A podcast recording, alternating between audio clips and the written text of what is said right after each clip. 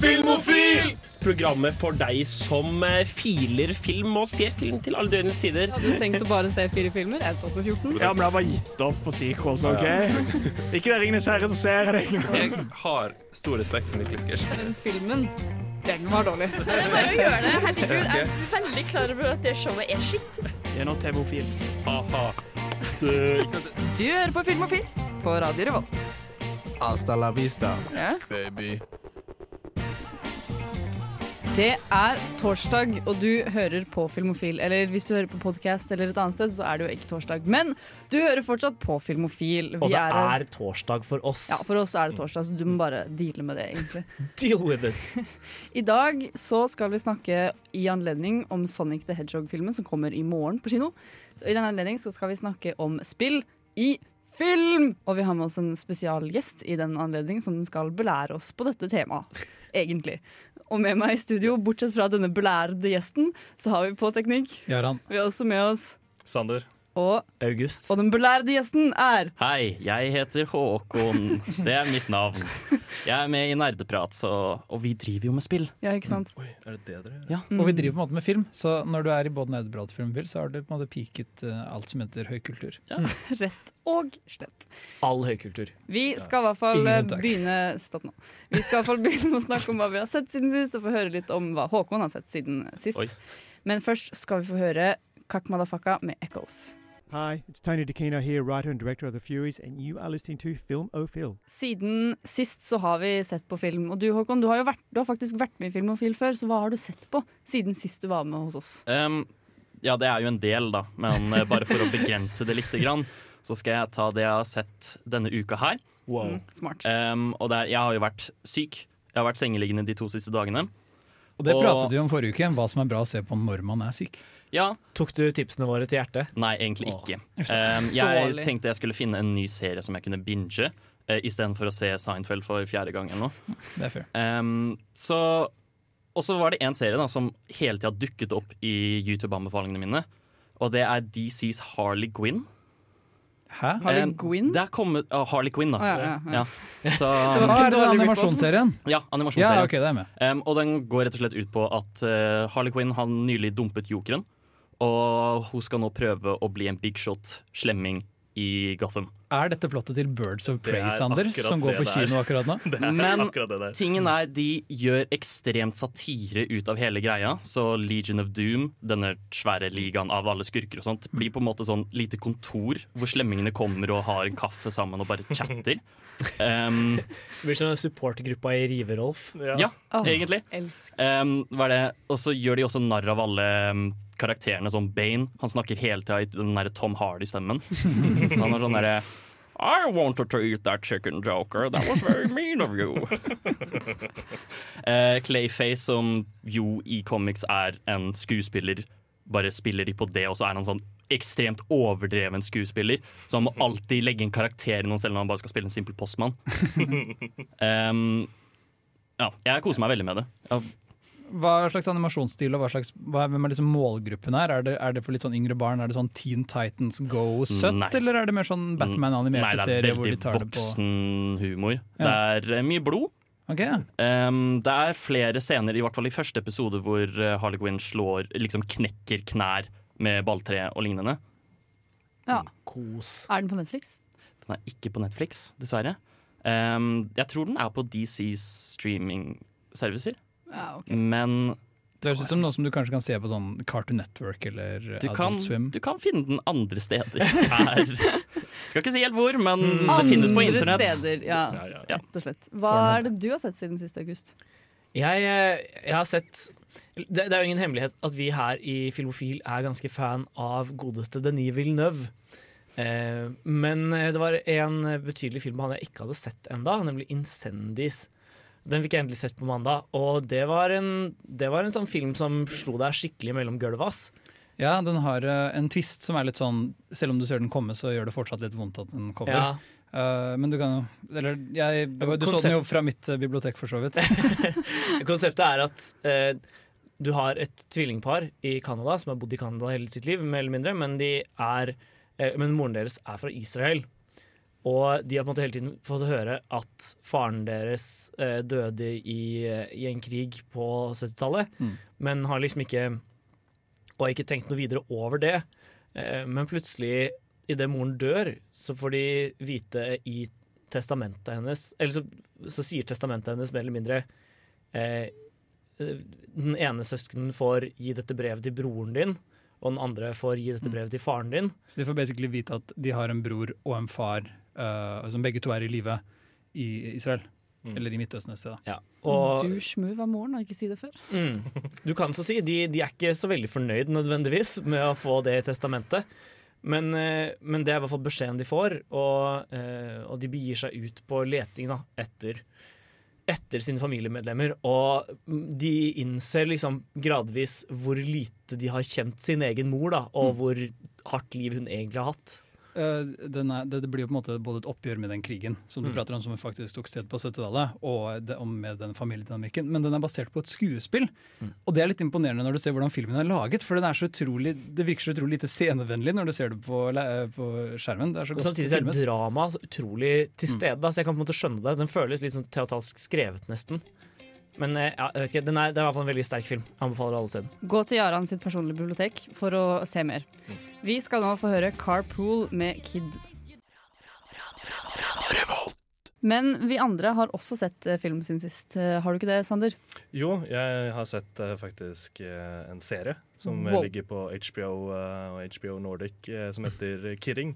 Som er med Jim Carrey, eh, som jeg spiller en slags sånn eh, uh, Mr. Rogers, sånn uh, barne-TV-personlighet uh, med en eh, litt eh, trøblete historie, hvor han eh, har litt følelser som han eh, holder litt nede. og ja, det er, det er en veldig interessant serie eh, som jeg tror er den serien jeg har gråtet mest på og ledd mest på samtidig.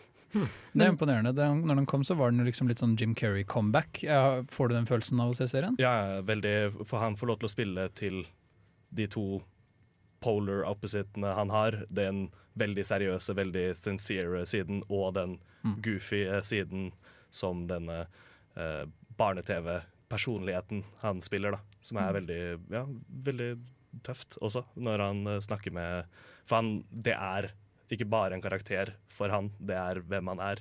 Så Ja. han tar og retter på at folk ikke skal banne og sånn til vanlig. Så det, det blir en veldig interessant eh, sånn karakterstudy, da. Hvor lang er serien? Den, eh, det er én sesong ute på ti episoder, og så har det kommet ut to nye nå nylig. Det er overkommelig. Mm. Det høres jo nesten litt ut som den Man on the Moon. Ja, men det er jo mer eh, en dokumentar. Det en ikke Man on the Moon! Nå tenkte, på, nå tenkte jeg på feil. Jeg tenkte på dokumentaren om Man on the Moon. Nei, men Ja. Man on the Moon er jo historien om uh, Andy Kaufman, som Ja, var en ekte karakter. Men det er ikke for så, ja, ja, sånn, ja. Men Jim Carrey ja, han spiller jo også ganske forskjellige roller der, kan man si. Ja. Mm. Jeg bare koblet det helt feil i hjernen min. Men ja. Slutt med det. Slutt med det. jeg skal slutte med det. Jeg tror vi går videre til deg, Aran. Hva er det du har sett siden Det kan vi gjøre. Jeg uh, har sjekket ut en filmskaper som har stått vært litt på radaren min en stund. fordi jeg, Jo mer jeg ser av mainstream-film, jo mer er jeg litt sånn ferdig med det, og så begynner jeg å sjekke ut det som er mer obskurt. Og nå har turen kommet til Russ Mayer, en exploitation-filmskaper fra 70-tallet som var på en måte kjent Ja, som han, ja. Mm. The King of Flesh. Han var en fyr som uh, mestet kunsten å filme pupper. Mm. Um, og jeg har sett hans storbudsjettsfilm 'Beyond the Valley of the Dolls'. uh, som kort fortalt uh, egentlig er det samme som plottet til 'Valley of the Dolls', bare at det er beyond. De har gått enda lenger. Disse jentene er enda villere, de situasjonene er enda sykere, men moralen er på en måte det samme. At med berømmelse og uskyld Eller mm, uskyld går tapt i berømmelse da, og suksess. Men denne filmen er sånn Den bare prøver så sykt hardt å sjokkere. Manuset er skrevet av filmkritiker Roger Ebert.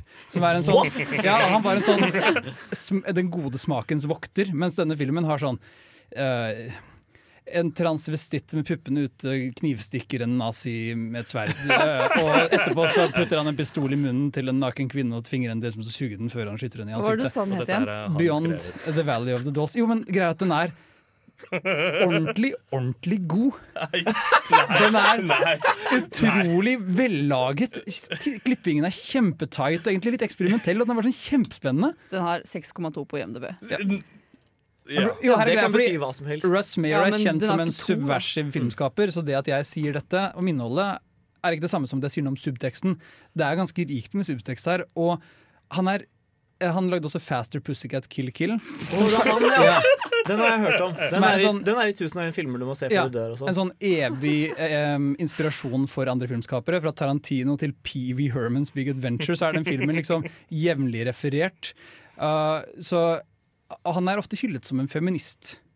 Til tross for det, disse puppeshotsene sine.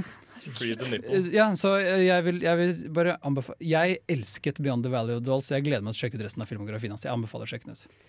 Ja, øh, OK. det, er så, det er så typisk deg å se noe sånt, føler jeg. Ja. Bare ti- du går etter tittelen, ja. Men jeg har sett masse film siden sist, siden jeg også ikke fikk sagt noe om eh, siden sist eh, forrige uke. Fikk jeg vel egentlig ikke? Men jeg har sett jeg, jeg snøt deg for Ja, du gjorde det. Men jeg har sett eh, både film og serie siden sist. Jeg har sett eh, den nyeste sesongen til Rick and Morty, blant annet. Som Richard var and Mortimer. Ja, rett og slett. Richard Morto. Men den var ikke så bra som jeg håpet at den skulle være. Den hadde en skikkelig bra sesongåpning. Første episode gjorde meg sånn OK, nå er jeg klar for mer Rick and Morty. For det er så, Den avslutter på sånn skikkelig Rick and Morty-måte også, med at Rick er sånn Det er jo skikkelig bra! Du ødela, he nei, du ødela hele sesongåpningen, Morty! Du er skikkelig dust! Jeg hater deg! Og bare sånn masse greier. Og jeg elsket det. Men så gikk egentlig serien litt ned etter det, som var veldig skuff. Men Taika Watiti er med i en episode, Mm. og det var veldig gøy. Jeg likte sesong fire av Rick and Morty. Ja. Jeg likte den, jeg var, men det var det var akkurat det, ikke det jeg jeg trenger fra Rick and Morty. på en måte Ja. Ja, nei, jeg hadde litt for høye forventninger, jeg, tror jeg. Jeg syns den føltes veldig ut som sesong én. Ja, men jeg syns det er en god ting. Ja, Ja. se. Men uh, Den var er sesong én bare litt mindre all over the place. Ja. Så er jo tingen at jeg går jo på Dragvoll, så er det jo mulig at jeg ikke forsto hvorfor det var annet. Det er- Du Du- du Man sier må noe der. Faktisk ha ekstremt høy IQ. Ja, Du sier noe der òg. Men Ekstremt. Ja. Veldig. Men jeg vil bare også skyte inn at jeg så den filmen vi aldri fikk anmeldt på Filmofil, nemlig 'Welcome to Marvin', og den sugde. Så den ligger på Viaplay, ikke se den. Og jeg er skikkelig skuffa, jeg er skikkelig skuffa over Steve Carell, fordi jeg elsker Steve Carell. Det var skikkelig trist, egentlig. Ja, ja. Ja. Men jeg kom meg gjennom til slutt, da, forhåpentligvis. Men vi går videre, og vi skal høre nå Alien Cargo med The Norwegian Crowbar Case. Filmofil presenterer nyheter fra filmens og fjernsynets vidstrakte verden. Gå nyhetstanker! Og nå skal vi høre noen nyheter. Vi, det har vært eh, Veldig bra. Takk, jeg var litt nervøs der. Vi skal, det har vært Oscar-utdeling, rett og slett. Og vi er jo filmprogrammet Filmofil, så da må vi nesten snakke om dette. Vi er obligatorisk eh, vi er, Nei. Vi er på en måte bundet, Vi er bundet. Lovpålagt. av Mm. djevelen. Vi, vi er jo faktisk så gale at jeg satt oppe fra klokken to til klokken fem. Vi beordret Sander til å gjøre det. Ja, det, det var eh, det, har falt seg ekstremt, eh, det å se hele uh, utdelingen. Og jeg tror at hvis det ikke kommer en ny uh, hva heter det, host til neste En vert. til neste, neste utdeling, så gidder jeg ikke å sitte oppe. Fordi hver eneste gang det kom på en komiker som skulle dele ut en pris, så skulle de være en mini-host. De tok så lang tid og gjorde så mange dårlige spøker. Og så var det ingen sånn hjertfelt, hardfelt, eh, hyggelige kommentarer til faktisk prisen. Som når de skulle snakke om å gi ut cinematografiprisen, cinematografiprisen, så var det bare en spøk, og så gikk det rett over i prisen. Så det var skikkelig dust. Det, bare nedverdiget eh, hele prisen. Du liker på en måte når de samler det i én fyr, så er han ansvarlig for alle de Ja, teite vitsene. Altså, ja. Ikke sant? For da vanligvis vanlig type eh, eh, hva skal man si, struktur på det er jo at ja, hosten gjør en ha-ha, morsomt, nå skal vi til cinematografi, hva er faen er det? Og så kommer det noen på scenen og har en faktisk hyggelig gjennomgang av hva det er, og gir eh, praise til det, og så er det det. Men nå var det bare jokes som bare var skikkelig dritt. Jeg tror det hjelper egentlig. Mitt tips da er å bare ikke se på utdelingen, men se på klipp på YouTube i Og det er så bra tips, det. Fordi- Jeg elsker det tipset. Men det skal sies det var noen fantastiske moments, som når uh, Eminem var oppe på scenen og sang og Og alle uh, reagerte skikkelig dårlig! Det Nei, var mange som nei. sovna. Martin Alle- Scorsese Ja, sitt blikk. Alle var skikkelig det var sånn der, Alle drev og bubba med hodet og var skikkelig på, men eh, Martin Scorsese han sovna nesten. Og uh, det var en annen som så skikkelig forvirra ut. Jeg husker ikke hvem det var, men jo, hun som har stemmen til Elsa i Frozen. Ja. Hun satt der og var sånn Hva, hva er det som skjer nå? Og hun hadde det uttrykket gjennom hele sangen. Dina. Menzel, er det Ja. ja. Men uh, ja, mitt tips er se, se alt på YouTube, fordi det, det gjør be opplevelsen bedre. For da får du bare med deg de morsomme tingene, og du får den emosjonelle styrken av at noen liksom har vunnet en pris. Og du kan se det i norsk tidssone på et meningsfullt tidspunkt. Ja, Ja, det òg, da. Det er jo noe. Oscaren er så sykt ikke verdt å miste søvnen vår. ass. Ja. Men du har jo vært en uh, hatforkjemper holdt jeg på å si, for Oscarene skikkelig lenge. Da, så Ja. jeg vil egentlig ikke høre på deg. En forhater. En forhater for. Oscar-utdelingen. Men uh, jeg koste meg veldig mye med de klippene. Jeg altså begynte å gråte. Altså, liksom, jeg så på sånne highlights fra Oscarene og at folk fikk priser. Jeg var sånn, Det er så fortjent! Du fortjener det så mye! Ja, den uh, Joaquin Phoenix-talen. Ja! Ja, han vant for sin prestasjon som uh, joker slash uh, Hva heter karakteren hennes igjen? Arthur Fleck. Arthur Fleck, ja. Ja. Mm. Eh, I eh, Todd Phillips' Joker. Og at Hildur vant for soundtrack Jeg er på fornavn med jeg, skjønner du. At hun vant for soundtracket til Joker også. Da begynte jeg også å gråte, for jeg var sånn Det er så fortjent! Jeg ble så glad. Hvem hadde trodd at Todd Phillips' Joker var en av filmene som skulle vinne flere Oscarer? Akkurat for soundtrack og skuespill er liksom der den fortjente det meste. Jeg mener kanskje, det ja, ja, ja, jeg sier ikke at det er ufortjent, jeg sier bare at det, Det var veldig morsomt. overraskende. Og veldig gøy. Vi lever i en tid hvor alt kan skje. Alt kan skje. Ja, ikke med Oscarene da, egentlig, fordi Nei, man vet- vet egentlig veldig godt hva som skal skje. Nei, det, jeg, jeg vil si at uh, en internasjonal film som uh, Best Picture er ganske ekstremt. Jeg tenker vi eh, prater mer om det etterpå, ja. men jeg også, det var på en måte en positiv overraskelse. Ja, det var, men det som også vant pris, og det var liksom det jeg liker med Oscarene, er at alle artistene får liksom synge de sangene som har blitt nominert til originale Er det det du liker Jeg elsker det. Randy Newman som synger den sangen fra Toy Story. var så fin!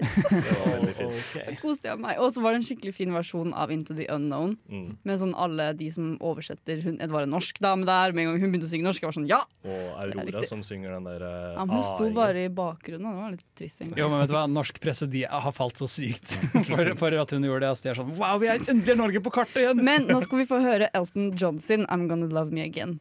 Som vel vant. Som vant, rett og slett. Hi, this is Brian Usen. I'm the producer of Reanimator and the director of Society, and I'm with the Filmophile people, and uh, we're all having a great time.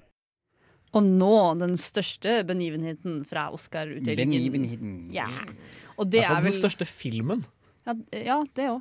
Men også største begivenhet, for det er liksom blitt omtalt som et historisk øyeblikk i sånn alle nyhetsartikler Mm. noensinne. Og det er jo nemlig at den godeste Parasite stakk av med den gjeveste prisen på utdelingen, og det er nemlig beste film. Og og ikke bare det, den, den fikk også naturlig nok beste ikke-engelskspråklige film. Eller Mm. beste internasjonale film, kaller vi det kanskje nå. Eh, men eh, også beste eh, originalmanus og beste regi. Ja. Mm. Så du har på en måte fire av de gjeveste prisene går til Går til samme film, som er en koreansk thriller om klassekamp. Det er, det er så rart. Det som er spenstig her, er på en måte at akademiet har de endret stemmesystemet sitt eller noe. For vanligvis har det på en måte vært litt sånn Sånn som i fjor, da, hvor Roma fikk beste internasjonale, selv om den tydelig burde få beste film. Så var det litt sånn Ja, men da får du den, så klapp på hodet, liksom. Så det føltes litt mer sånn kalkulert. Mens det føles nesten det, virker, det er rart at de ikke ga, trøst, ga internasjonal som trøstepremie i år, men at de ga begge to til Parasite, det var litt sånn OK, spenstig. At de fikk begge to. Veldig, veldig kult, så klart. Mm, Min teori på dette her, dette har jeg tenkt mye på, er at eh, i fjor, eller Oscar-akademiet er veldig flinke på liksom, De får kritikk, og så tar de til seg den ene kritikken, og så, ingen, så glemmer de alt det andre. Så for eksempel I fjor så fikk de mye kritikk for at Roma ikke vant beste film. For eksempel. Mm. Så da var det sånn Å, shit, i år så må, så må vi ikke gjøre den tabben, liksom. Så da vant Parasite både best film og best utenlandske. Det er min teori. Bortsett fra, bortsett fra at Parasite fortjener det virkelig, da. Men Ja, jeg tror egentlig at det bare er at de har sånn touchpad nå, og så har de trykka feil. De har ment å stemme på andre ting, men de har bare trykka feil, rett og slett. Det er, det er en del gamle folk i Oscar-akademiet som sier sånn Jeg skjønner ikke, jeg trykket på Parasite, men nå står det jeg må trykke en gang til, og par trykke på Parasite igjen. Ja, ja, ja. ble bare rot. Ble bare rotert iPaden, vet du. Skjønner ikke de greiene der. Jo, jeg, jeg, jeg tror jeg er litt enig i teorien til Jenny om at de, liksom, de prøver å være woke. eh, men det morsomme er at de, hver gang de skal prøve å være woke, så gir de filmene, eller de mest interessante eh, filmene en pris. Mm. Og det er kjempekult. Altså, 12 Years to Slave for eksempel, føles jo heller ikke som en sånn Oscar for beste film, film og i hvert fall ikke Jo, Moonlight. det Oscar for beste film til 12 Years a Slave var så sykt fortjent. Ja, ja, ja. Det, det, Fortjent er var, det var fortjent, men det, det var ikke et typisk akademivalg. Det var det som var poenget mitt. Det er på måte, begge, alle disse tre er eksempler på veldig, veldig kompromissløse filmer som plutselig vinner en Oscar litt sånn ut av det blå. Og jeg, jeg syns det er veldig fint at, at det er det de gjør de gangene de skal være woke, da. Ja. Mm. Jeg, synes, jeg skal ikke bli for politisk her også, heller, men jeg syns jo det også er litt ironisk at Akademia har valgt en film som ja, det så å si handler om dem. Ja, på en måte det, ja. og det, hvordan, hvordan på en måte, overklassen er litt sånn eh, whatever med liksom de, den allmuen. Ja, og så er det på en måte ingen som har tatt det helt til seg. Eh, en annen ting jeg også syntes var veldig gøy, var kritikken eh, Akademiet fikk for å gi beste film til Parasite, fordi det var helt enormt mange amerikanere som ble skikkelig skikkelig sinna fordi herregud, må jeg se en film som har tekster?! Jeg må lese på kino! Jeg kan jo ikke lese! Nei, ikke faen om man kan lese. Men akkurat, altså. akkurat det at den diskusjonen eh, får så utrolig mye sånn uh, ild under bålet, syns jeg er veldig kult. Eller ild- ild under jeg vil kalle det kjelen. For er veldig, veldig kult fordi eh, Amerika er på en måte det største filmmarkedet der ute, og enn så lenge så har de vært litt sånn Undertekster nei takk, vi har våre egne filmer. Mens nå er den debatten virkelig ute og går, og jeg tror flere blir mer åpne til å se film med undertekst. Enn de som velger å stenge grensa helt da, og bygge en mur, for å si det sånn. Så Jeg er ganske glad i sant om dagen nå. ja, men jeg er positivt innstilt til at litt flere folk blir interessert i internasjonale filmer. For dette føles som et øyeblikk for internasjonal film, mer enn det føles som et øyeblikk for sørkoreansk film. Ja, det, det gjør helt klart det. Uh, og i tillegg så men, men, men på den annen side så er det så har det jo også gått litt utover seertallene til Oscarene. Altså, det var jo rekordlavt seertall i år. Det var 20% dropp fra i fjor. Bare positive ting som skjer nå. Som jo, jo, Poenget er kanskje at jeg, jeg, veldig- jeg syns det er veldig bra at de gir oppmerksomhet til en sånn film, men det hjelper på en måte ikke hvis ikke, ingen, ingen bryr seg om den oppmerksomheten lenger. Men de 20 det er fortsatt sykt mange som følger med på Oscarene. Ja, men det var, det var, det var 20 eh, frafall eh, relativt sett eh, dårlig år. I fjorår, fjoråret var også regna som dårlig. Ja, men det er jo fortsatt bra, Det- det- egentlig. Ja, Jeg tror det er ganske mange som ser på. Altså. Og det, alle får jo med jeg tror, seg jeg, tror, jeg, tror det, jeg tror vi er i ferd med å nå et sånn veiskille for Oscaren hvor de er nødt til å gjøre et eller annet. Og de prøver jo helt klart å gjøre et eller annet, men, men for at folk skal fortsette å se på. Jeg, jeg tror ikke det å gi Parasite-prisen er det som redder Oscaren, men det gjør i hvert fall meg glad. Det gjør meg også veldig glad. Jeg tror, nei, jeg tror heller ikke det redder Oscaren. Jeg tror det kommer til å være like dårlig neste år. Men, og nå får de sikkert ikke så mye kritikk, da, så nå, vet, nå kommer det til neste år kommer det til å vinne sånn Green, Green Book igjen. Vi- Green Mile hadde ja, vært Green Mile hadde vært noe helt annet. Vi skal nå gå videre til temadelen, men først skal vi høre Helgeland 8-bit Squad med Champion Mode. Nå skal vi begynne å snakke om det vi egentlig kom hit for å snakke om. Egentlig. Jeg kom inn for Oscaren, ass. Ja, Sorry. Nå er det på tide å gå for deg, August. Ha det Ja, ha det. Men Sander, du har vært og anmeldt en film. Det har jeg, og jeg kan bare si 'gotta go fast'. Det er viktig å etablere hva denne filmen er. Det er en barnefilm som både barn og unge voksne har lyst til å se. Barn fordi det nettopp er en barnefilm med sterke farger og action, og unge voksne fordi de har vokst opp med Sonic. Og da siden aldersforskjellen er såpass stor, vil det være vitser barn ikke forstår, og en deler av filmen de unge voksne vil synes er teit. Sonic gjør ikke bare én morsom Fortnite-dans, han gjør to. I'm Sonic, a little ball of super energy in an extremely handsome package. En kort oppsummering av filmen. En ung Sonic lever sitt beste liv på hjemplaneten sin. Helt til noen kommer for å ta kraften hans, og han må flykte. Filmen hopper frem i tid til han har bodd på jorda en stund, og Pentagon merker at det er noe rart som skjer i byen han har valgt. Og de velger å sende Dr. Robotnik for å finne ut hva som skjer. Planet. So. Da de kom ut med den første traileren til Sonic, og man så det originale designet hans, kan jeg huske at jeg ble redd. Ikke for at filmen skulle bli dårlig, men fordi Sonic var utrolig skummel. Resten av internettet var helt enig, og det ble en hel greie. Og så kom Paramount ut og sa at de hadde tenkt å gjøre om designet til Sonic, og det gjorde internettet veldig glad. Om dette var Paramount som gjorde noe godt, eller en av de mest geniale markedsføringskampanjene noensinne, er det bare Paramount som vet. Why are you hiding out in my garage? They're coming for me! If they steal my power, they could conquer the universe. You have to help me. Folk som meg som vokste opp med å spille spillene og se TV-serien da jeg var yngre, vil det være en del dype kutt som vil få deg til å gi et lite fnys, en liten aha, det husker jeg-opplevelse. Uten å røpe for mye, så er det en cameo av internetts favorittversjon av Sonic, og slutten vil få folk som har sett TV-serien til å bli veldig glad. Let the place Sonic! Let the bitches mount also Sonic! Ugh, I can't with that guy. Skuespillerpresentasjonene i denne filmen er alle ganske gode. Ben Schwartz får lov til å skinne med sin energiske stemme og smarte quips. Folk lurer på hvor de har hørt stemmen hans eller sett han før. Er det på show som Parks and Recreations og Ducktales. Uh-oh.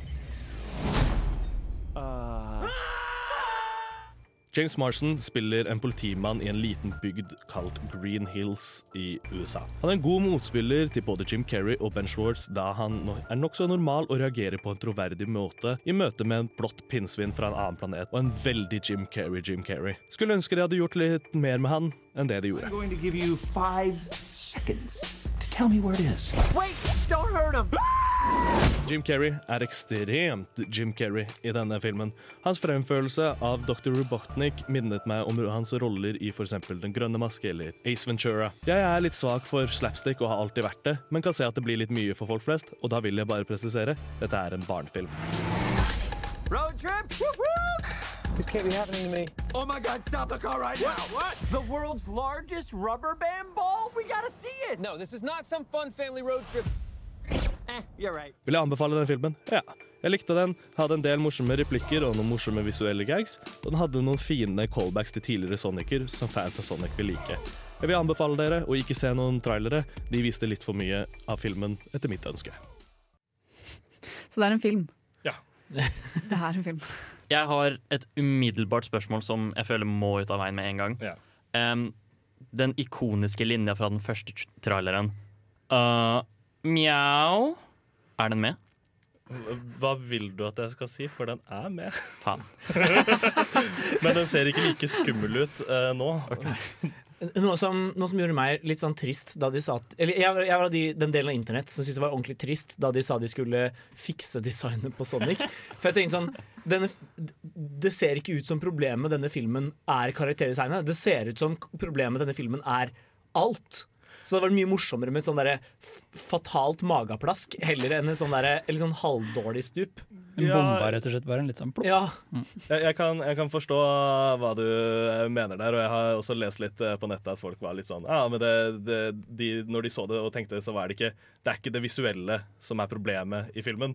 Men jeg, jeg skal si at hvis Sonic hadde sett ut sånn som han var, så tror jeg hadde sittet og irritert meg mye mer. Det var en OK, hyggelig, morsom uh, film å sitte og se på. Det Ja, det høres ut som en litt sånn uh, familieeventyr-actionfilm. At det blir sluttresultatet. Er det noe å komme tilbake her for, tror du? For, deg, for din del, liksom? Som noen som kaller seg selv en Sonic-fan? da? Ja, det er, jeg tror absolutt det er mye, mye småting jeg uh, missa hvis jeg uh, ser den om igjen. Men tror du du hadde fått noe ut av den hvis du ikke hadde et sterkt forhold til Sonic fra før av? Eh, mindre, men ikke ingenting. Eh, og eh, jeg tror at eh, eh, hvis du ikke har noe forhold til det, så tror jeg ikke at da blir det som å se en hvilken som helst barnefilm. Det blir liksom Ja. Litt sånn platt, egentlig. ja. Ja. Det, det, du, du sitter der og innser at dette her er ikke for deg. Nei, men det er veldig lov. da. Det er filmer Ja, ja. som på mange måter er for, for noen. Det, altså, det er bedre å være for barn enn å være for ingen. Det er Ja, ikke sant. Eneste grunn til at jeg i det hele tatt vurderte å få med denne filmen, er pga. Jim Carrey. Når du sier at Jim Carrey er veldig Jim Carrey, peak Jim Carrey i masken og sånn, liksom, Ja, ja, ja. da det gjør meg litt glad på innsiden. Han, det, er, det er noen ekstremt morsomme, gode gags med Jim Carrey og hans eh, sånn underling i den filmen her, som er helt ja, fantastiske. Du nevnte tidligere at du hadde sett på Kidding. Hvordan vil du sammenligne presentasjonen hans i Kidding og Det presentasjonen hans som polar Dr. Opposite. Ja, det er eh, en grounded karakter i Kidding og en uh, totalt uh, psykopat. Det, det er jo den scenen hvor Pentagon bestemmer seg for at hei, vi skal sende Dr. Robotnik, og alle i rommet bare sånn her ja, Du kan ikke sende han, han er skikkelig rar. Nei, han er ikke rar, han er sinnssyk. Og, ja. Dette her er Pentagon, da. Det er eh, ja. Men er dommen da at Jim Carrey er tilbake og fortsatt har godsakene? ja, det vil jeg si. Kanskje vi får se mer av Jim Carrey, kanskje? Nei. Håper det. Nei, så enig. Det var avgjort. Spurte spørsmålet? Nei, egentlig ikke. Det er, det er en veldig liten rolle til å komme tilbake til, egentlig. Ja. Men ja, nå kan jeg få vurdere det litt mer da, om jeg ender opp med å se den filmen allikevel. Uansett så skal vi gå mer inn på dette spillet dypdykket vårt i dag, men først skal vi høre Palme med Velur. Hei, jeg heter Roar Uthaug, og du hører på Filmofil på Radio Revolt. Og nå, her i Filmofil, skal vi gå mer inn på hva vi egentlig skal snakke om. Fordi hva, det vet ikke jeg, Aran. Kan du forklare det til meg? Ja vel, Jenny, siden du ikke har gjort hjemmeleksen din og møter opp uforberedt, så kan jeg jo nevne at uh, siden Sonic er ute på kino, så tenkte jeg det var veldig gøy å ta en titt på det stadig økende landskapet der ute av spilladaptasjoner, og hvordan spill og film har en slags sånn interessant symbiose gående. På både godt og vondt. Ja, virkelig på vondt, og av og til på godt. Eh, så det har jo, vi er i en tid nå hvor spilleadaptasjoner kommer og går og er litt sånn hit and miss. I fjor hadde vi Detective Pikachu, nå har vi Mest miss, Sonic. kanskje, men, Ja, men eh, men det har begynt å bli hit også i det siste, kanskje. gradvis mer og mer. Men, men det er på en måte en konstant litt sånn Ja, det kommer nye spilladaptasjoner. Og det er litt interessant å se hva de har å gi hverandre. Fordi spill er ofte Skrivingen er Altså plottet i spillet er ikke så viktig som opplevelsen av å spille spillet, mener jeg, da. Mens i film så er det på en måte øh, der, det, skal være, det skal ikke være interaktivt, mens i spill så er interaktivitet hele grunnen til at Mm. spillet finnes. Så det er to veldig ulike medier som samtidig henter ganske mye fra hverandre. Spill har på en måte alltid lent seg veldig tungt på film. da. Ja, og et, vi, det vi kanskje må være tydelige på er at vi har tenkt å snakke mest om hvordan spill går til film. Mm. For det motsatte skjer jo også jevnlig. Jeg husker i hvert fall I vår barndom så kom alle Istidspill, Ringenes Ja, alle, alle Ja. filmer som ble lansert på DVD, hadde liksom sine tilhørende eh, Kan spillekvivalenter. ikke nerdeprat bare ha en sending om Lego-spillene? Da blir jeg med! Da Ja, blir med. Det er den beste arenaen for spilladaptasjoner. eh, fra film til spilladaptasjoner. Har det er de beste spillene også. Lego-spillene. Det er de beste spillene. Som regel ganske gøy. Men det er jo også, når før vi går videre fra det, er det jo også hvordan spill låner ting fra eh, film. Eksempel det nye God of War har, uh, bruker one-shot-teknikk, hvor Mm. Uh, kameraet på en måte aldri bryter og følger rundt uh, karakteren, eksempel. Metal Gear Solid 5 er sånn eh, regissert med cinematografi, Ja. som om de har håndholdte kameraer og tripods i alle cutscenene. Ja, og sånn, og har virkelig, sånn tenkt på starring på starten av Ja. hver mission. Sånn, ja. Så uh, film, uh, Men det er litt av poenget at eh, det første Metal Gear Solid-spillet er jo sånn en referanse til Escape from New York og The Great Escape, to filmer liksom. Eh, som det bygde liksom universet sitt delvis på. da Så det har på en måte alltid vært lånt veldig tungt fra film i spill. Men det er ikke det vi skal snakke om. Vi skal snakke om det motsatte. Blir det vel. Og det har på en måte vært en tendens som har eksistert ganske lenge. Jeg så et ganske interessant intervju med, med Gus Van Sant. Eh, I forbindelse med Elephant så sa han at han var ganske inspirert av dataspill. Fordi den er veldig Åh, opptatt av å bare følge etter folk som går rundt på denne skolen. den filmen er så utrolig teit og smakløs. Liker du ikke Elephant? Uh, nei. Nei, Den er i hvert fall veldig inspirert av uh, dataspill. Um, og allerede fra ganske tidlig av så begynte man med dataspilladaptasjoner. Uh, etterpå skal vi snakke mer om Tomb Raider, blant annet. Som kom allerede i 2001. Det er liksom ikke Ja, tidlig i dataspillets historie. De tidlige dataspillfilmene Jeg kan ikke si dette med helt sikkerhet, men den første store dataspillfilmen kom tidlig 90-tall, sent 80-tallet. Det er Super Mario Bros. Ja. Ja. Bob Hoskins som Super Mario. Og Mm. Dennis Hopper som skurk. Ja. og derfra så var det, litt, var det liksom litt sånn her Du og satte, der. du satte en dårlig standard. Ja, den er på en måte kjent som en sånn virkelig skuffelse. Du Uh, valgte jo feil. Det er jo, man valgte jo feil med å velge å ta Super Mario, som er et spill uten historie. Det er bare løp til høyre. men veldig ikoniske karakterer, på en måte. Eller Ja. des karakterdesign. Da, sånn De ville ha penger, Ja, virker det egentlig. Nintendo var jo alltid interessert i å lage film. på en måte. Super Mario har liksom ikke så mye karakter i spillene. Han er It's a me, Super Mario! Jo, men han er liksom- at han er definert ut fra hvordan han hopper, ikke for liksom hvem han er som Og at han skal redde en prinsesse, da. En annen ting jeg liker veldig godt med den filmen nå er at The Mushroom Kingdom kjennetegnes av dette fargerike, flotte stedet. Men så, når han faktisk kommer dit i filmen, Så er det sånn dystopisk ja, dystopisk suburban område. Ja, dette og masse mer godsaker skal vi snakke om eh, videre. Først skal vi få høre Musti med OK, rosa blomst. Det mest eh, logiske stedet vi tenkte å starte, var vel eh, med et ganske klassisk eksempel da, på spill adoptert til film, blir det vel. Og hva tenker vi på da, August? Vi ga dere i hjemmelekse forrige uke rett og slett å se Tomb Raider med Mhm. Angelina Jolie. Den første av de. Og vi tok oss eh, mulighet Eller vi, vi benyttet sjansen til å se den sjøl i går. Og det Jeg hadde glemt hvordan 2000-tallets estetikk var, nesten. Jeg, jeg vet det egentlig, men det er noe med hver gang du ser det på nytt, så er det sånn Oi, det var, det var skikkelig ekkelt. Det er alltid litt verre enn du husker det. Ja.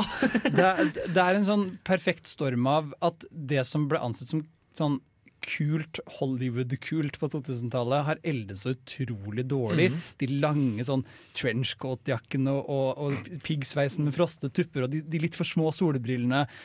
Og så er det noe med musikken også. Den derre rare techno-house-inspirerte popmusikken som bare virkelig ikke har holdt seg i det hele tatt. Bortsett fra i Matrix 1, da. Den første Matrix-filmen. Ja, Matrix var kult. med på å definere den stilen. Ja. Og det ble litt mye av det en periode der mellom 2000 og 2005-ish. Ja, for man sier jo at, eh, at mote og sånn kår i sirkler, så jeg bare venter på at den estetikken kommer tilbake. Du er på en måte omfavnet den allerede. så- Ja, ja, ja, ja. Jeg, jeg bare venter på tiden jeg kan klippe håret kort og fa Få frosted piggsveisen tilbake igjen. Ja. Mm. Nei, filmen handler jo i hvert fall om eller, Det som er irriterende med, med uh, Lara Croft, er at hun er, så- det er så tydelig bare sånn OK, men hva hvis Indiana Jones var eh, var kvinne og hadde store pupper i stedet for å Trekantpupper. Trekantpupper. Jeg er ikke enig i den tolkningen av Lara Croft. Uh, okay. Jeg mener at det du for, simplifiserer det for mer, for det er også et god dose James Bond involvert. Ja. Mm. I, i Daniel Craig er jo til og med med i filmen. Ja, og Før han var James Bond. Snakker om likestilling. Daniel Craig og eh, Angelina Jolie som eh, Lara Croft har begge to like sexy dusjscener. Mm. Som på en måte bookender eh, første og andre akt av filmen. Da Daniel Craig sin dusjscene kom, så må jeg bare påpeke at alle de andre i rommet var sånn bu. Du, du ser liksom at dusjen skrus på, og gjør sånn Her skal vi få enda en Angelina Jolie-dusjscene. Så var dere bare skuffet. gikk det rett ned på Daniel Craig og var sånn Nei! Vi var jo egentlig bare skuffet fordi det var et bord som blokka money shoten. Det er sant. Ja, det er Vi fikk sant. ikke se tissen til Daniel Craig. Var Stolbenet, stolbenet dekket tissen. Men det fikk Lara Croft. Men det, det jeg egentlig skulle si, var hva filmen handlet om. Men jeg kom aldri lenger til å si at uh, Lara Croft er litt sånn Indiana Jonesy, men dash James Bond. Uh, og hun skal redde verden fra, uh, fra Illuminati. Men oppi det hele så har hun daddy issues også. Ja. Uh, Illuminati skal finne en uh, device som gjør at du kan uh, kontrollere tid. Eh, men hun har også lyst til å kontrollere tiden fordi hun savner faren sin, som døde. Og fordi hennes avdøde far sendte henne et brev 20 år etter at han døde, eller 15 år etter at han døde, eller noe sånt, og sa ifra at hei, om to dager så er det det ene tidspunktet hvor alle planetene står på rekke. Og da må du få tak i den trekanten og ødelegge den, hvis ikke så får en ond organisasjon makten for dette. Sånn, Oi, shit, det var veldig kort varsel, men jeg får vel ordne det. Ja, for Han skriver det til og med i brevet. Nå har du dårlig tid. Det visste han for ja, fordi 15 år han siden. visste det, for han la opp til at hun skulle ha dårlig tid. Faren til Lara Croft er tilfeldigvis spilt av John White, faren til uh, Angelina Jolie. Det er ganske artig casting. Mm. Du som påpekte i går, og det var omtrent på den tida de slutta å ha noe med hverandre å gjøre. Ja, de, de, de falt ut eh, rett etter det 2003-ish. God stemning. Veldig god. Det er ikke så god stemning i filmen heller, egentlig. Men en ting, var det en ting jeg syns er spesifikt gøy med det her. Det her er jo åpenbart basert på Eller det skal jo egentlig være basert på PlayStation-spillene. Slik Ja. at det Tomb Raider 1 til 3. Ja. Um, men de, denne filmen her, jeg husker den ikke så veldig godt, men jeg vet at den har noen sånne roboter. Ja. Og det er det vi starter med. Hun Men- slåss mot en treningsrobot for, for, for å bli bedre med, med skarpskudd. Ja, fordi Tomb Raider handler jo Det originale Tomb Raider i hvert fall handler jo egentlig bare om at Laura Lara Croft skal gå og hente en type sånn artefakt. Inni et tempel. Inni et tempel, Og så bare skjer det masse ting. Det er noen par tidligere herskere av Atlantis som har mutert noen folk og lignende. Men det går ikke noe bort fra det i det hele tatt. Nei, men de ble litt sykere etter hvert. Men jeg lurer på om det var i PlayStation 2-æraen etter Tomb Raider 3. Ja. Kanskje at de blir enda rarere. Mm. Men det er jo også en sekvens her hvor det er veldig sånn åpenbart inspirert av videospill. Hvor liksom det er bare uendelig meningsløs skyting. Og det er veldig sånn Ja, Lara Croft hadde de to pistolene sine, da. Vi må jo bruke de for det de er verdt. Ja, Det skal sies at eh, den hadde det den trengte. Trekantpupper og hopping eh, salto mens hun skyter. Ja. Som var det jeg husker av uh, Tomb Raider da jeg var mindre. Og det er ikke minst to pistoler levert på et sølvfat av butleren hennes, som skal minne om Alfred, men er mye teitere. Mm. Hun har var- sånn, hun har sånn hacker-sidekick, for det var 2000-tallet. Ja, sykt dustfilm. altså. Herregud. skikkelig Orker ikke mer. Vi skal gå vekk fra den for en gangs skyld, og så skal vi høre Slutface med Static. Nye, nye, mæ,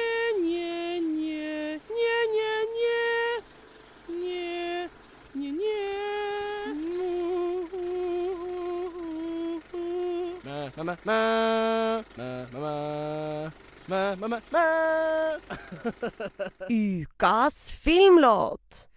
Det er helt riktig. Vi skal nå gå videre til å snakke litt om filmer som kommer som en del av store mediefranchiser.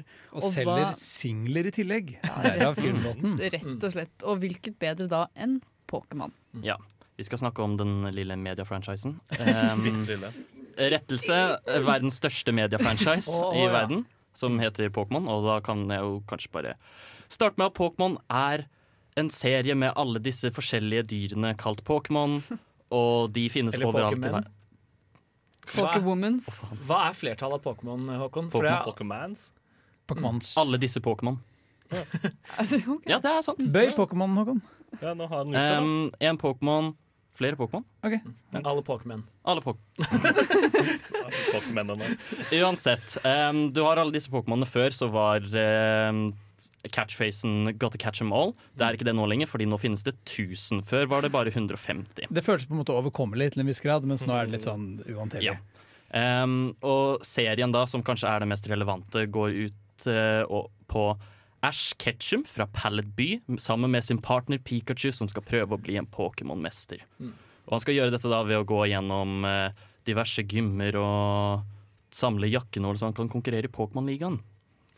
Og dette begynte vel som en spillserie? Ja. Etter hva jeg har forstått? Dette begynte som en spillserie. Det første spillet var Pokémon Red og Blue.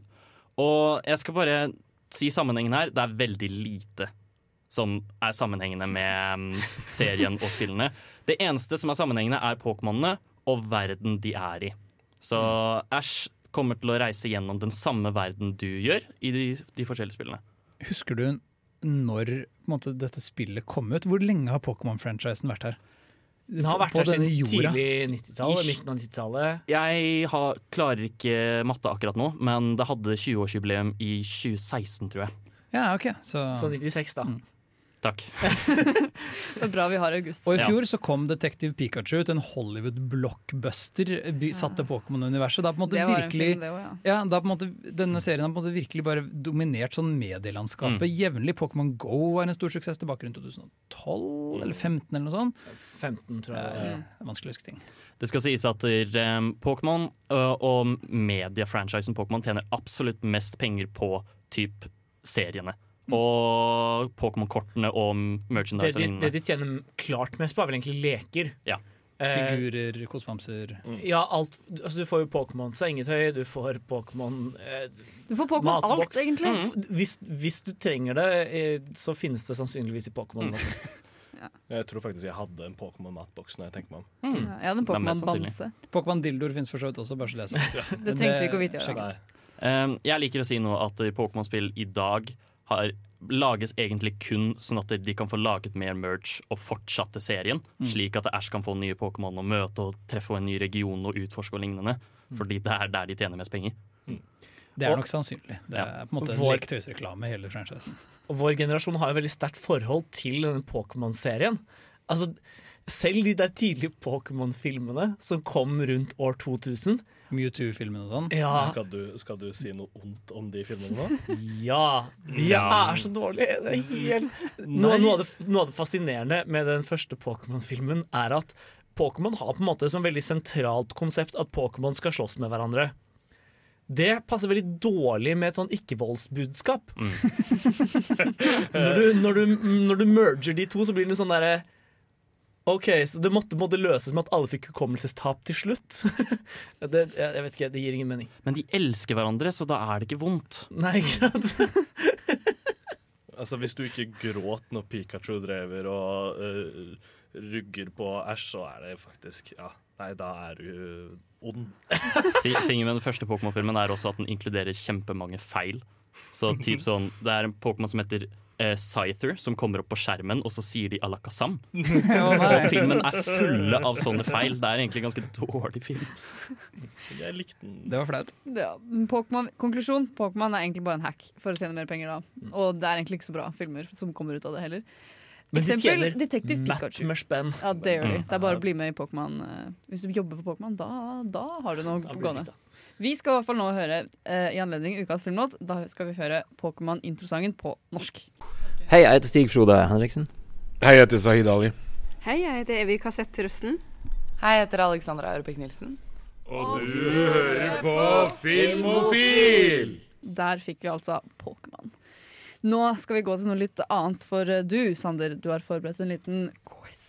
Ja, Til oss. det har jeg. Det er en litt annerledes quiz. Eh, Det er en person på nettet som heter eh, Sander? Er jeg blanka på navnet hans. Men eh, han har en type quiz hvor han tar to filmer, og så setter han sammen uh, synopsisen av uh, filmen, altså hva som skjer i den, og så har uh, tittelen går inn i hverandre. Som Dette for er to filmer. Det er to filmer. Vi skal gjette de to filmene. Ja, fordi de titlene går over i hverandre. Gi oss et eksempel. Sander. Jeg gir dere eksempel av to stonere som eh, er i England. Må reise seg opp fra, eh, fra sofaen og bekjempe zombier med hjelp av Robin Williams som lærer. Ha, er det Hmm. Er det um, eh, Det eh, den, ene er dead, den ene er Dead Poet Society. Den andre er Shaun of the Eh, Dead. Ja. Shaun of the Dead Poet Society. Shaun of the Dead Poet Society. Der var vi. Så da, da starter vi. Så er det rett og slett førstemann ut til å ta de. To rørleggere fra eh, Brooklyn må dra til en annen dimensjon for å redde en prinsesse Peach. Men eh, nei, de liker samme jenta. Kommer en av de til å bryte den hemmelige gutteloven? Det er i hvert fall Mario uh, Super Mario Bros. Uh, Ja. møter Er det sånn Super Mario Super American Pie, holdt jeg på å si? Er det?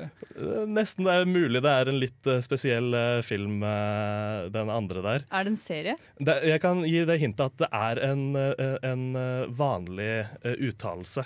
Det er en guttelov.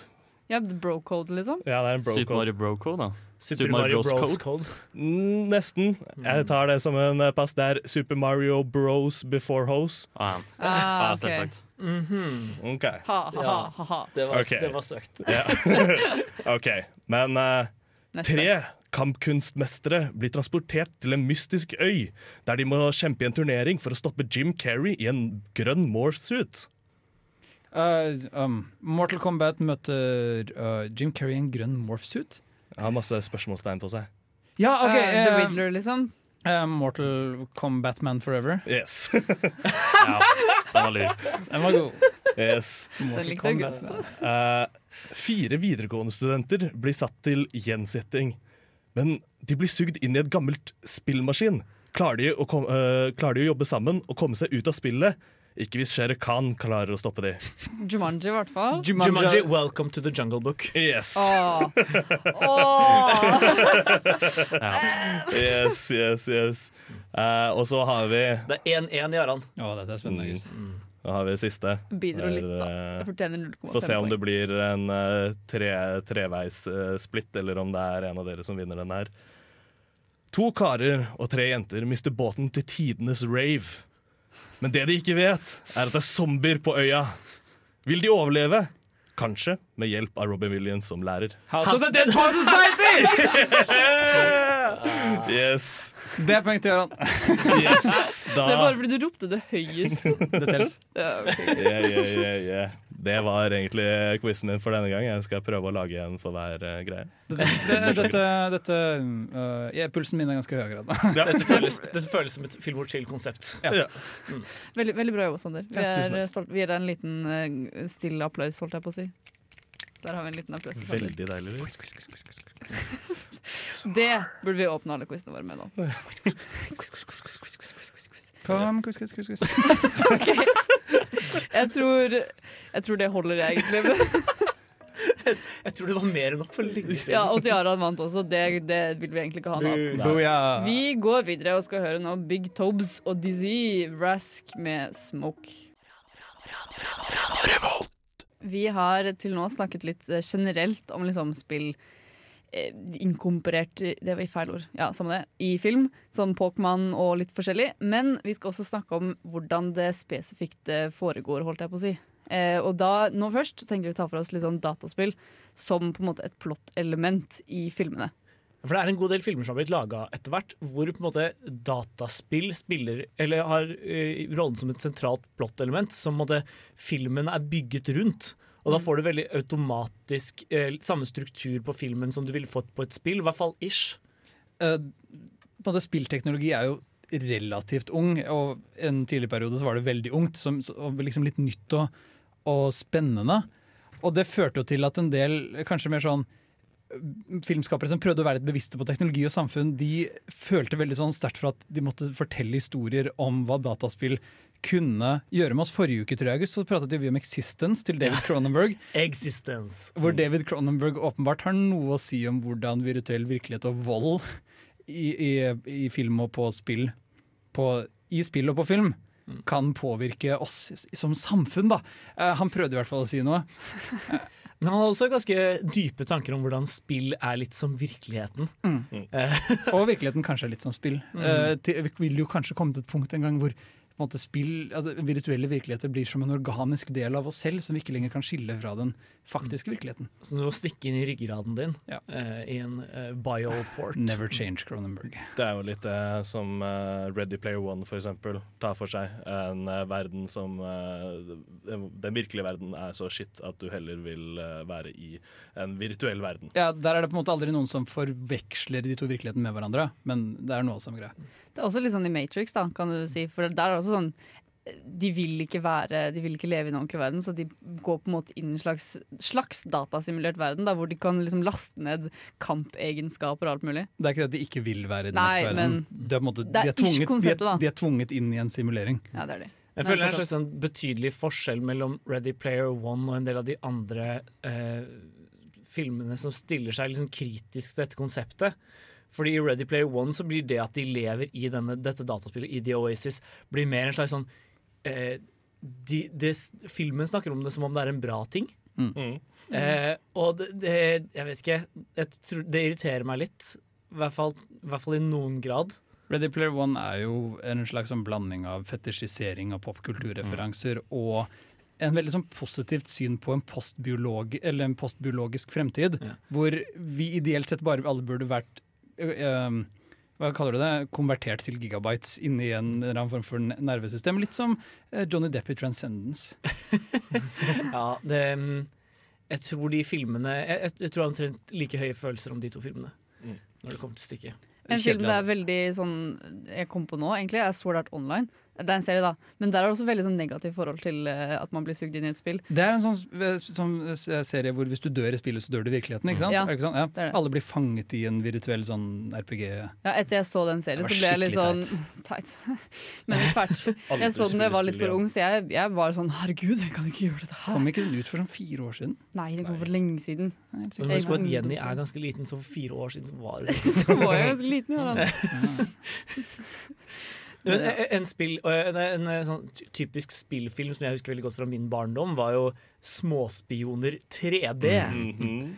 Filmen eh, skutt i kjempedårlig 3D, som vi dro og så på kino med skolen en gang fordi resten av klassa stemte på det, mens jeg egentlig ville se på min bror Bjørn. Jeg så 'Småspioner 3D minst tre ganger på kino. Eh, I, i, I anledning bursdager og andre ja. Men den, den har jo også, den har veldig det derre Oi, barna våre er fanget i denne spillverdenen, som føles veldig som sånn enhver forelders sånn derre «Eh, Barnet mitt sitter og spiller hele tiden! Blanda med en sånn derre eh, På slutten så kom jo uh, spillvirkelighet, eller spillvirkeligheten ut i den virkelige verden, som er en sånn derre, den største frykten. At al alternativ virkelighet skal bli det verste. Er det ikke gøy hvordan i disse filmene så blir filmskaperen ofte, eh, nei, uh, spillskaperen ofte fremstilt som Gud? Som en slags sånn kreativ uh, hersker som har skapt en virkelighet, og som liksom råder over denne med en sånn merkelig farskjærlighet? Du har jo også Wreck-It Ralph, da. Mm. Som bare er at de er, i, at de er spillet. Da er det ikke noen sånn høyere makter eller videospillene tar over verden. Det er bare et koselig, koselig film om spillkarakterer, egentlig. Men ville ikke skaperen av Riverolf om det vært Gud for Riverolf? Jo, men de er jo ikke der, ikke sant? Så da kan du ikke It's in their code. Det er ingen foreldre som kan skylde på, skylde på videospill som ødelegger for barna. da Det er jo en ting med Trond, som er på en måte en av de originale sånn, spillfilmene eh, om datasystemer. Mm. Der er jo de som, Brukerne som bruker programmene, er programmene som er personifisert ved hjelp av karakterer, sine guder. Det er et veldig veldig rart konsept. Nei, det er bare eh, kanskje litt annerledes også. Det er i likhet med Ready Player One, og det er jo at der, er det faktisk spillere. Og, derfor, og, og Småspioner, der er jo de spillerne, de blir jo tvunget til å delta og alt det der. Mm. Det er, småspioner har jo også den samme greia med If you die in the game, you die for real. Men, mens i Som Riverolf så er de jo i spillet. De er ikke bevisst på sin skaper, ikke sant? De er bare kode, de. Ja. I, et større, I en større skapelse. Mhm. de, bare, de bare koser seg. Men de har også noen sånne You never interact with the first person shooter. Ja. Men Riverolf Rolf gjør det likevel, fordi han er badass. Eller bare veldig redd for the bugs. Nei, han er helt klart en badass. OK. Jeg elsker Riverolf, i hvert fall. Den er, jeg syns den er kjempesøt. Vi, det var, men selv om ikke det som var poenget tatt. Vi skal gå videre til å snakke om noe skikkelig trash etterpå, men først skal vi få høre Romskip med Dagens Ungdom. For et program i burra med både klasse og stil. Du hører på Filmofil. La, nei, eh, Jaran, kan ikke du fortelle oss litt om dagens trash? Det var alt om tålmodigheten du hadde. Ja, jeg har, har- ikke, jeg har ikke lyst til å snakke om dette her. Vi har tidligere nevnt eh, at vi samlet oss for å se Tomb Raider, men jeg eh, tvang inn en liten skatt Nei. i denne fyllekvelden. Nemlig UV Balls House of the Dead. Og UV Ball har på en måte vært en spennende skikkelse innenfor spesifikt spilladaptasjoner. Han er en tysk regissør som øh, antagelig har en ambisjon, hadde en ambisjon om å være filmskaper. For han, filmene hans er fulle av referanser til større verker. Det så vi for så vidt også i House of the Dead, som er en adaptasjon av et jeg tror det er et arkadespill, en sånn førstepersonsshooter som du spilte på, på Arkaden hvor du puttet en Det ser veldig sånn ut, i Ja. hvert fall. Jeg tror faktisk det hadde sånn der med egen pistol. Ja, hvor du som plukket, siktet ikke på. kontroller, men sånn, ja. sånne pistoler som du liksom skjøt på skjermen. Det er gøy, da. Uh, Så Det er på en måte det siste spillet som trengte å bli for, ha en film laget om seg. Bare en sånn her, Nå går vi gjennom korridorer og skyter zombier-spill. Ja, For er ikke House of the Dead egentlig et sånn gammelt arkadespill? Mm. Av Sega, vel å merke. Det er veldig viktig å nevne. Fordi plottet som UV Boll har bygget rundt House of the Dead, det er at en gruppe amerikanere skal på et rave sponset av Sega. På, På- en, på en øy. Ja, som ligger utenfor en eller annen Sponset av Ja. Og, og øyen heter Isla Morte. De døde seg. Ja. Uh, Det er ikke engang riktig spansk! Nei. De, de rekker ikke båten, så uh, heldigvis møter de Jorgen Proknov, som har sin egen båt. Stakkars Jørgen Proknov er med i denne filmen. Uh, og han, Ja, gammel, gammel og traust fisker. ja, og han, han velger til slutt å ta de ut til øya. Og det, Dette høres ut som en ganske sånn straight up. Der er det zombier, og så slåss de mot zombiene. Det er greit. Men det som er at UV Boll er en slags sånn en, en, en slags sånn søppelautør. Han, han, Ja. han er, Han er trashet til trash. han er interessant av en rekke grunner, fordi han var på en måte med på å ta med exploitation-film inn i det 21. århundret. Filmene hans har Det er så mange puppeshots i disse filmene. Og det er så mye sånn bare billig, meningsløs vold for voldens skyld. Men så er det blandet med denne 2000-tallsestetikken som vi diskuterte litt tidligere. Og så er det jo veldig viktig da, hvis du sitter der og tenker sånn, hva er det egentlig jeg ser på, så driver han og klipper inn uh, scener fra spillet, sånn at du vet at å ja, dette her er en spillfilm. Ja. Når to av karakterene dør, så får de bokstavelig talt game over-screens, hvor kameraet spinner rundt dem mens det fader til rødt. Det som også er verdt å nevne, er at eh, ikke bare får vi disse crossfadesene og disse fantastiske shotsene og alt mulig sånt, men den har i tillegg Det ser ut som det er en reklame for NCIS i det som greia. Det, det er så dårlig! For det er skikkelig, skikkelig stygt filma det er så stygt filma, og det er helt forferdelig! Produksjonsverdien er lav, klippingen ser ut som den er laget av noen på speed. Eller gjort av noen på, som er i ferd med overdose på speed, skal jeg være veldig ærlig. Men det er, det er noe fascinerende rundt at Uwe Boll har et del sånne interessante grep hvor du føler at han virkelig prøver å leke seg visuelt. Men så er det Han prøver skikkelig hardt, han bare får det ikke til det hele ingen, tatt. ingenting at det lander. Så for meg så er House of the Dead en sånn so bad it's good-film som jeg har sett et par ganger nå. Og jeg, den, den gir meg på en måte alltid noe. Når du sier det spesielt interessante scener, tenker du spesielt på den ene sekvensen hvor han bare tok eh, hele slåssekvensen eh, og tok den og spilte den baklengs i sånn klippet, fem ja. minutter. Det var klippet sånn. Mm. Vi, får et, vi får et flashback midt i en kjempelang, uberslitsom sånn uh, zombie-skytesekvens, hvor du bare ser hele sekvensen spilt baklengs, men den er klippet sånn at den, liksom, du får uh, epilepsianfall av den. For den er Ja. bare sånn Og den varer, den varer og varer og varer og varer. Du husker han ene som hadde den veldig raske VHS-spilleren? Det er sånn, bare forbi. Åh. Men eh, det er jo også veldig tydelig at han har, eh, han har Han har sett på noe, og så har han sagt Oi, det er litt kult. Tar og eh, leid en uh, spinnerig, og så bruker han den for alle penga. Og et par dager Han hadde vel én dag hvor han hadde helikoptershot, så da, da skal han Det er mye helikoptershots av den øya på dagtid. Og så er det ingen på nattetid. Men hvordan i alle dager er det han får lagd disse filmene, Jarand? Ja, Det er artig at du spør, for historien med Uwe Boll slutter ikke der. Han eh, har jobbet Eller jeg skal ikke si at han er en, en lurendreier og en falskner og en svindler, men Tyskland hadde en spesiell sånn skattelov, som en del land har hatt for så vidt, hvor du får tilbake 100% eller mer av investeringen din i filmproduksjoner. Så lenge, og og du må kun skatte av det filmen tjener. Som i Uwe Bolls tilfelle ikke var så utrolig mye. Så han kunne basically bruke filmproduksjon som et slags sånn skatte, et sted å, å få tilbake på skatten. Og dermed jevnlig få penger. Og så når du da kjøper rettighetene til spillfranchiser som ingen andre egentlig er interessert i å kjøpe, så får du det ganske billig. Og så har du en forhåndsetablert fanbase du kan utnytte. Eh, noe han helt tydelig gjorde. Det som er gøy er at Den siste spillfilmen han lagde var rundt 2007, da Tyskland endret denne skatteloven. Etter det så lagde han ikke flere filmer om videospill. Hmm, hmm. Da prøvde han seg som litt mer seriøs filmskaper, før han eh, som vi fant ut i går, la opp i 2016 for å bli restauranteier. Hva var hans seriøse filmprosjekt da, Göran? Han lagde en film om Auschwitz og en film om Vietnamkrigen. Mm. Pluss en trilogi om folk som skyter uh, Som dreper eh, aksjehandlere på Wall Street fordi sosial commentary. Derfor, jeg, jeg, jeg helt ærlig så bare kjenner jeg Uwe Boll gjennom hans letterbox reviews. Fordi så vidt jeg har skjønt så bare er han sånn som går på alle filmer som ikke er hans, og slakter de helt. Ja. Og alle filmer som er hans, er liksom de beste i hele verden. Men nå ble jeg veldig inspirert. Nå har jeg lyst til å sjekke ut det Jeg tror du vil like den, Håkon, Ja. siden du liker så godt Troll 2. Det er, litt, det er, det er enda dårligere enn det.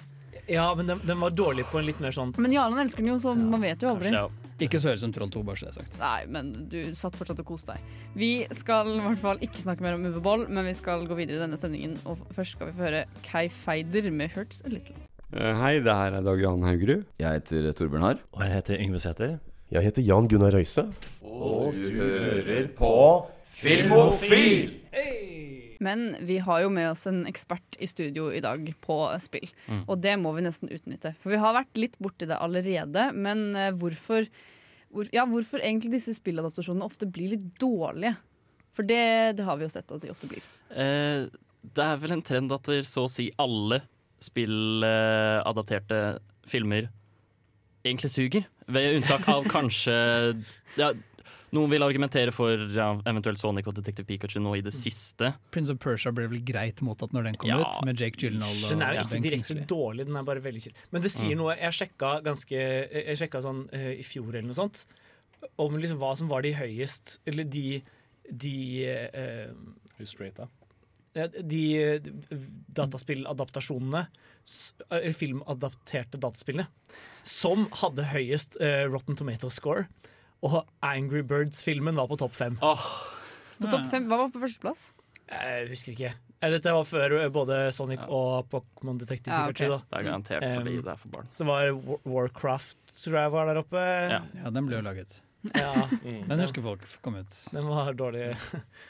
Men, men ja, Angry Birds-filmen er på topp fem, og det, det sier på en måte sitt om hvordan ståa i sjangeren er. da Ja, for spørsmålet er det, er det spillenes skyld? Eh, ja og nei, vil jeg si her. Um, og jeg tenker at den første tingen er vel kanskje at det er veldig mange velger Særlig tidlig så velger de typ litt sånn feil spill. Du nevnte jo Og- Super Mario tidligere. Som Ja. er sånn, Hvordan skal du bygge en god film rundt Super Mario? Det er lov å prøve, men det krever litt. Ja, og der også ødelegger de jo alt med, som gir Super Mario personlighet. Det neste blir Super Smash. Det jo laget jeg, en jeg, jeg satt jo hele tida og venta på i slutten av Detective Pikachu at Mario skulle komme med en konvolutt og invitere Pikachu til Smash-initiativet. Det hadde vært veldig gøy. Så basically Avengers Wasted potential, men sånn går det. Nei, men det er jo eh, Hvorvidt det er spillenes feil eller ikke, det blir jo litt dårlig gjort å si fordi filmskapere og studiene bak er ansvarlige for produktet. Mm, Folk har adoptert alt mulig rart. The Raven, diktet til Edgar Allan Poe, har blitt gjort om til sånn tre filmer, og noen av de har blitt godt mottatt ganske godt. Du kan adaptere det meste kortfilmer som bare har vært spesiale. Sånn Neil Blokhams Live in Joburg ble til District 9, på en måte. Du kan gjøre det meste om til en god film hvis du har en god visjon bak. Pirates of the Caribbean er en adaptasjon av en berg-og-dal-bane. Ikke berg-og-dal-bane engang. Det er bare en sånn, Du sitter i en båt og så kjører du forbi noen diram, Mm. dioramar. Ja. Uh, så det meste kan bli en god film, men det er jo noe med at spill som vi var innom tidligere, kanskje ikke er kjent for å ha den beste historien, men de har som regel et plott til en viss grad. Og så blir fansen litt lei seg hvis det plottet ikke respekteres. Og så skal man samtidig prøve å finne en måte å fortelle dette på, og fjerne den interaktive biten. Det, det, blir, det er en vanskelig konverteringsprosess, tror jeg, fra spill til film. Ja, fordi det er også nemlig en annen ting som jeg føler veldig mange tenker når eh, det gjelder eh, spill til film, og det er at veldig ofte så føles det ikke ut som at de som har laget filmen i det hele tatt har spilt spillet. Nei, det var det, da. Ja, um, et godt eksempel av dette, jeg vet ikke om noen av dere har sett Doom? Har sett med det. Dwayne Johnson Mm. og sånt. Um, Doom sitt, sin handling går rett og slett ut på at der, uh, det er en forskningsbase på Mars, og de driver og forsker på helvete. Ja, ja, ja. Og så klarer det å gå dårlig, så demonene bryter løs, og nå skal du uh, løpe rundt og skyte dem. Og så gradvis jobbe deg inn til helvetes sir Ja. indre sirkel for å Um, stanse invasjonen. Det er alt du trenger å vite om historien. Det er veldig lite. Det er ikke det som er fokuset i det hele tatt. Hele poenget med Doom er at det er store, åpne plasser, og så bare løper du skikkelig fort rundt og skyter folk. Det skal være action-heavy. Og så lager de Doom, som er denne slags veldig sånn trege, mørke skrekkfilmen, som ser skikkelig stygg ut. Resident Evil også fra tidlig 2000 var et sånn interessant forsøk på å ta det som var egentlig bare en sånn Du må overleve zombier i denne, dette Ja. huset, og så gradvis så jobber du deg inn til eh, en kjerne som er en, en underjordisk lab. Mm. Og så var det sånn Nei, vi må ha en, en sånn 2000-talls Matrix- Matrix-aktig actionfilm. Det var et veldig rart eh, prosjekt. Jeg føler Warcraft-filmen var litt eksempel på det motsatte. For jeg tror Duncan Jones faktisk, altså regissøren bak, har spilt mye Warcraft. Mm. Det virka som det var veldig mye Warcraft-law i den filmen som var presentert på en sånn ish god måte, i hvert fall. Men samtidig så fungerte filmen for meg, som ikke har noe særlig forhold til uh, World of Warcraft, veldig dårlig som film. Ja, jeg så den faktisk med en kompis av meg som eh, spilte mye Warcraft, og han sa liksom sånn at de riktige liksom, musikk-cusene spilte på riktige steder der kameraet var, osv. Han, han sa at det var veldig, veldig lagt veldig mye detaljer i, i worldbuildingen der, da. Eh, som er ganske interessant. Men vi har også en tredje type regissør, eh, filmskapere, som er sånn de som bare elsker spillet, og som prøver bare å De har bare lyst til å få mer av spillet, egentlig også. Tror jeg, det er jo sånn, eh, sånn Peter Jackson og sånn tror jeg hadde et eh, kjærlighetsprosjekt til en eller annen eh, Halo eller noe sånt, som de aldri fikk gjennom, men, så, men de likte spillet såpass godt at de bare det, det må bare skje. Det må være en film av det, for vi trenger mer av det. Halo er sånn som jeg tror det kunne eksistert et godt spill av, eller en god film av, Men de ble, de ble turned down, da, holdt jeg på å si. Ja, jeg har sett noen av de sånn ish-filmene eh, filmene som er laga sånn direkte for Netflix. Sånn Forward On To Dawn er ganske, ganske OK som en hel adaptasjon. Ja, det var det jeg skulle spørre Mm. om. Var det ikke en sånn uh, Ja. Se hele Starship Troopers, altså. ja, ja, ja, for all del. Det var ikke en enten-eller, det der. Det, var bare, det, er ikke, det er ikke direkte dårlig. Vi skal gå videre og snakke litt om spillideer i film, så bli her hos oss. Men først skal vi få høre Jonas Ledang med 'That Won't Change My Mind'. Vi skal nå snakke litt om spillideer i film. Og hva er egentlig det, August? Man har begynt å se en tendens ikke bare til at spill adapteres direkte til filmer, eller at filmer går inn som et plottelement i filmer, men også at mer sånn måten å tenke historie på, som man ser i spill, tas med i flere og flere filmer. Det- Som ofte fungerer bedre enn når du tar direkte adaptasjon av spillet. De filmene vi skal snakke om nå, er i hvert fall filmer jeg liker ganske godt, mange av de. Og eh, det tyder på at du har på en måte, det at det er mye å hente i den typen spillnarrativ også i et filmformat. Da. Man må bare gjøre det på rett måte. Mm. Det erketypiske eksempelet på dette er jo eh, Edge of Tomorrow, eller Live, Die, Repeat. Og den tittelen sier jo ganske mye om at denne, denne filmen har en slags sånn spillaktig struktur. Du, du lever, du dør, og så gjentar du. Eh, Live, Tom- die and repeat. Ja. Eh, Edge of Tomorrow spesifikt, siden vi har meg her, kan sammenlignes med rogelike-sjangeren. Som vil altså si at hvis du dør, må du starte helt på nytt. Og det er jo akkurat det du gjør i Edge of Tomorrow. Mm. Det er Bare sant. at da har du kunnskapen fra ditt Mm. tidligere Så da forsøk. lærer, da lærer du på en måte bedre hvordan du skal navigere den ene spesifikke biten av spillet. Ja. Konseptet er i hvert fall at Tom Cruise uh, blir smittet av noen sånn alien-greier uh, idet aliensene invaderer. Og han begynner nå å oppleve samme dagen på nytt og på nytt, og på nytt, og det er dagen alienene invaderer. Hver gang han dør, så starter det på nytt. Veldig, veldig kul film. Og vi snakker vel også i dybden om den i vår eh, Topp 100-podkast. Ja, den episoden kom ut forrige uke, så der kan du gjøre en drøyt ti minutter lang samtale om uh, Edge of Tomorrow.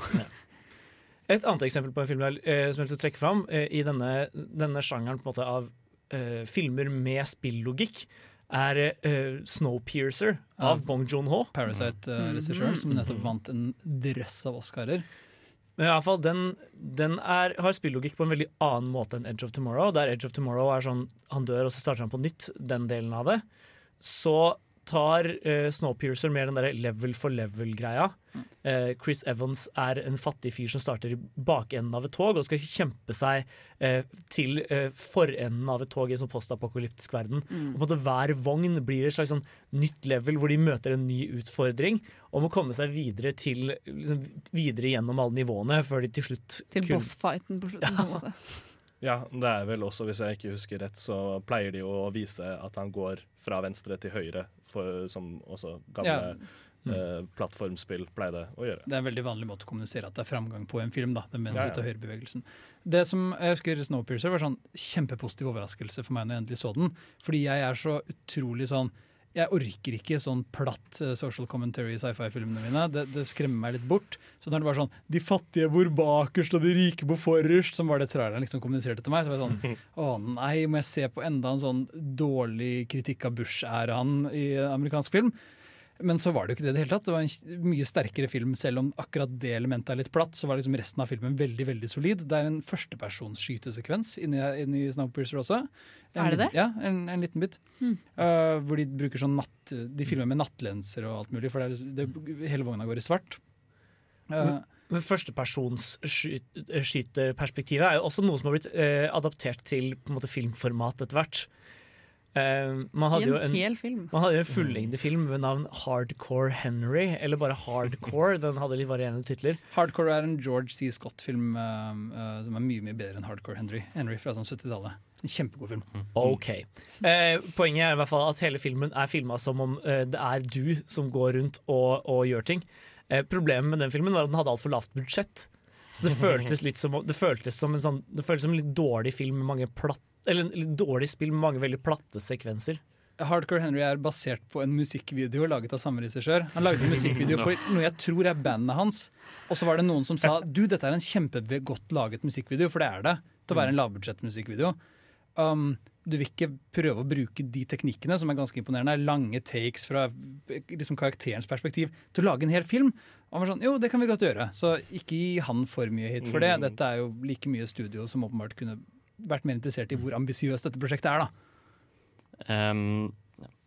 Det er en annen film som bruker samme eh, på en måte teknikk, nemlig The Villainess. Det er en sånn sørkoreansk greie som kom for et par år siden. Og den har hele Greie, faktisk. Ja, den er, den, er, den er liksom greie. Den er veldig all over the place, men jeg elsket den. Uh, men i hvert fall åpningssekvensen der er også en sånn first person uh, action-sekvens, og der funker det faktisk ganske fett. For det er, det er på en måte bare en liten del av filmen, mens i Hardcore Angels ble det liksom Det ble alt. Det ble hele filmen. Ja. Jeg tenkte jeg bare skulle hoppe over til en annen ting også. Og det er, Vi nevnte i stad The Matrix. Og The Mhm. Matrix har jo nesten litt sånn spillelementer, det også, med tanke på at Neo på en måte låser opp nye evner underveis i filmen. På Watch Mojo sin liste over beste filmer adoptert eh, fra spill, er Matrix på førsteplass. Ja. Eller liksom med spillideer i seg. Jeg bare sier det. Yes. Så ser jeg Watch, Watch Mojo for mer. det er den kjedeligste referansen vi noensinne har gitt. Jeg jeg så den før sending! Vi går nå over eh, til, eh, til en låt. Vi skal høre Yora med 'Restless Mind'. Hei, mitt navn er Atle Antonsen. Du lytter til Filmofil på radio Revolt, og det gjør du helt til programmet er ferdig. Nå er vi dessverre ferdig for i dag. Det har gått to timer. Du har hørt på Filmofil på Radio Revolt. Eller én time hvis du har hørt på podkast. Eller én time hvis du hører på podkast, da. Men vi har vært der i to timer. Mm, det. Rett og slett. Og vi har snakket om spill i film, så hvis du vil høre hele sendingen på nytt, bare gå tilbake på Radio Revolt eller der du hører podkast, og hør på oss på nytt. Og hvis du vil høre mer om spill generelt, lytt til Nerdeprat hver torsdag klokka fem til seks. Med Shameless meg, plug. Shameless Håkon. Det burde være lov når du har vært gjest, tross alt. Neste Neste, uke. uke Jeg var på vei. Neste uke så skal vi snakke om eh, Vi skal terrorisere dere, rett og slett. egentlig Vi skal snakke om terror i film. Yay. Jeg har lyst til å gi en hjemmelekse. Ja. Jeg har lyst til at folk sjekker ut Bong John Ho's Nei, Park Chan-wook. Sorry, Park Chan-wooks The Little Drummer Girl. eh, John Le Carre-adaptasjonen hans. Den er på TV2 Sumo. Uh, kjempesterk serie. Sjekk ut den. Det er en god hjemmelekse til neste uke. Det, det, da skal vi gjøre det, Gøran. Bare fordi du sa det nå. Vi har vært Filmofil, og vi har vært Jaran på teknikk. Håkon. Sander. Og August. Og meg, da. Jenny. Takk for oss. Og på vei ut skal vi høre Portugis med Ti.